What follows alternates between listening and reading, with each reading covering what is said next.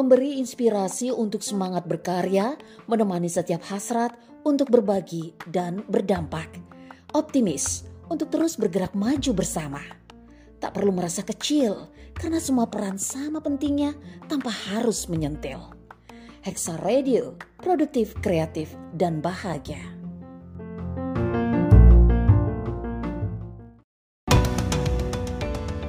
Menghadirkan hal-hal yang menarik dan juga penting untukmu saling berbagi untuk kebaikan dan kemajuan bersama. Menghadirkan info, tips, dan juga trik darimu, untukmu, dan untuk kita semua. It's all about you. It's all about passion. Nantikan Hexa Update hanya di Hexa Radio.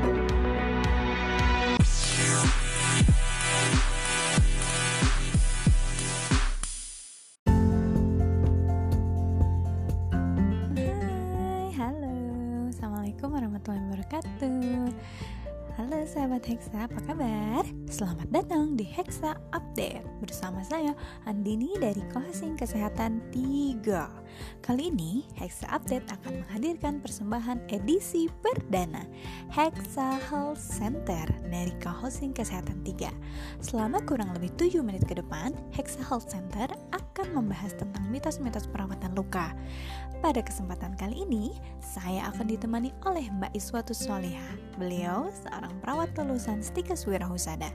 Dan saat ini beliau bertugas di bagian lab Universitas Aisyah Yogyakarta. Check it out!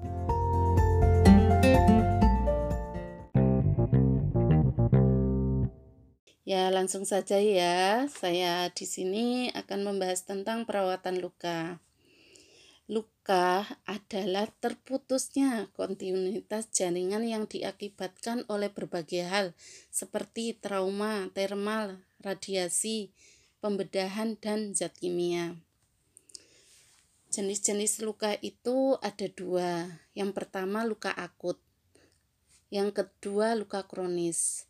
Luka akut adalah luka yang proses penyembuhannya sesuai dengan tahapan-tahapan penyembuhan luka.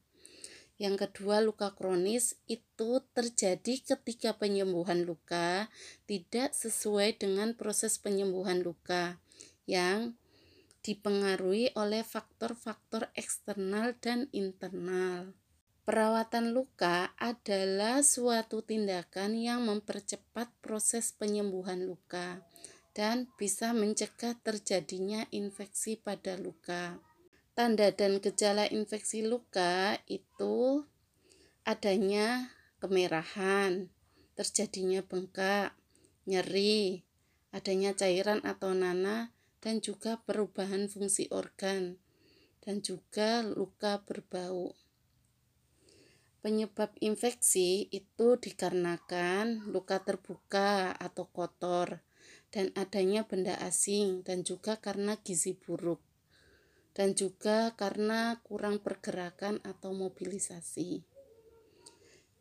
Mitos-mitos yang ada di masyarakat di Indonesia itu biasanya luka dibalut dengan daun pisang, luka dipakein odol, dan juga luka dikasih kopi dan juga tidak boleh makan makanan yang amis-amis seperti ikan dan telur. Padahal makan seperti ikan atau telur itu cepat untuk proses penyembuhannya karena mengandung protein yang tinggi. Untuk persiapan alat dan bahan, yang pertama kita harus menyiapkan cairan NaCl atau air matang yang sudah dingin kemudian kapas, kasa steril, plester, gunting, kantong plastik, iodin atau antiseptik. Dan cara tindakannya yang pertama, jangan lupa cuci tangan terlebih dahulu. Yang kedua, dekatkan semua alat-alat yang sudah disiapkan. Yang ketiga, bersihkan luka dengan kasa steril yang sudah dibasahi cairan NaCl 0,9% atau air matang yang sudah dingin. Yang keempat, setelah bersih kemudian keringkan dengan kasa steril. Yang kelima, basahi kapas dengan iodin atau antiseptik, kemudian oleskan pada luka. Yang keenam, tutup luka dengan kasa steril. Yang ketujuh, buang sampah ke kantong plastik.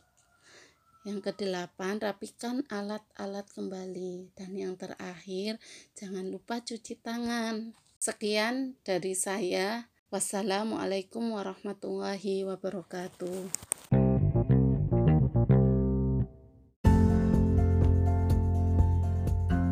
Demikian sahabat Hexa, persembahan Hexa Health Center dari co-hosting Kesehatan 3 edisi perdana. Sampai jumpa minggu depan. Bye-bye. Terima kasih sahabat Hexa telah mengikuti episode kali ini. Tetap stay tune hanya di Hexa Radio.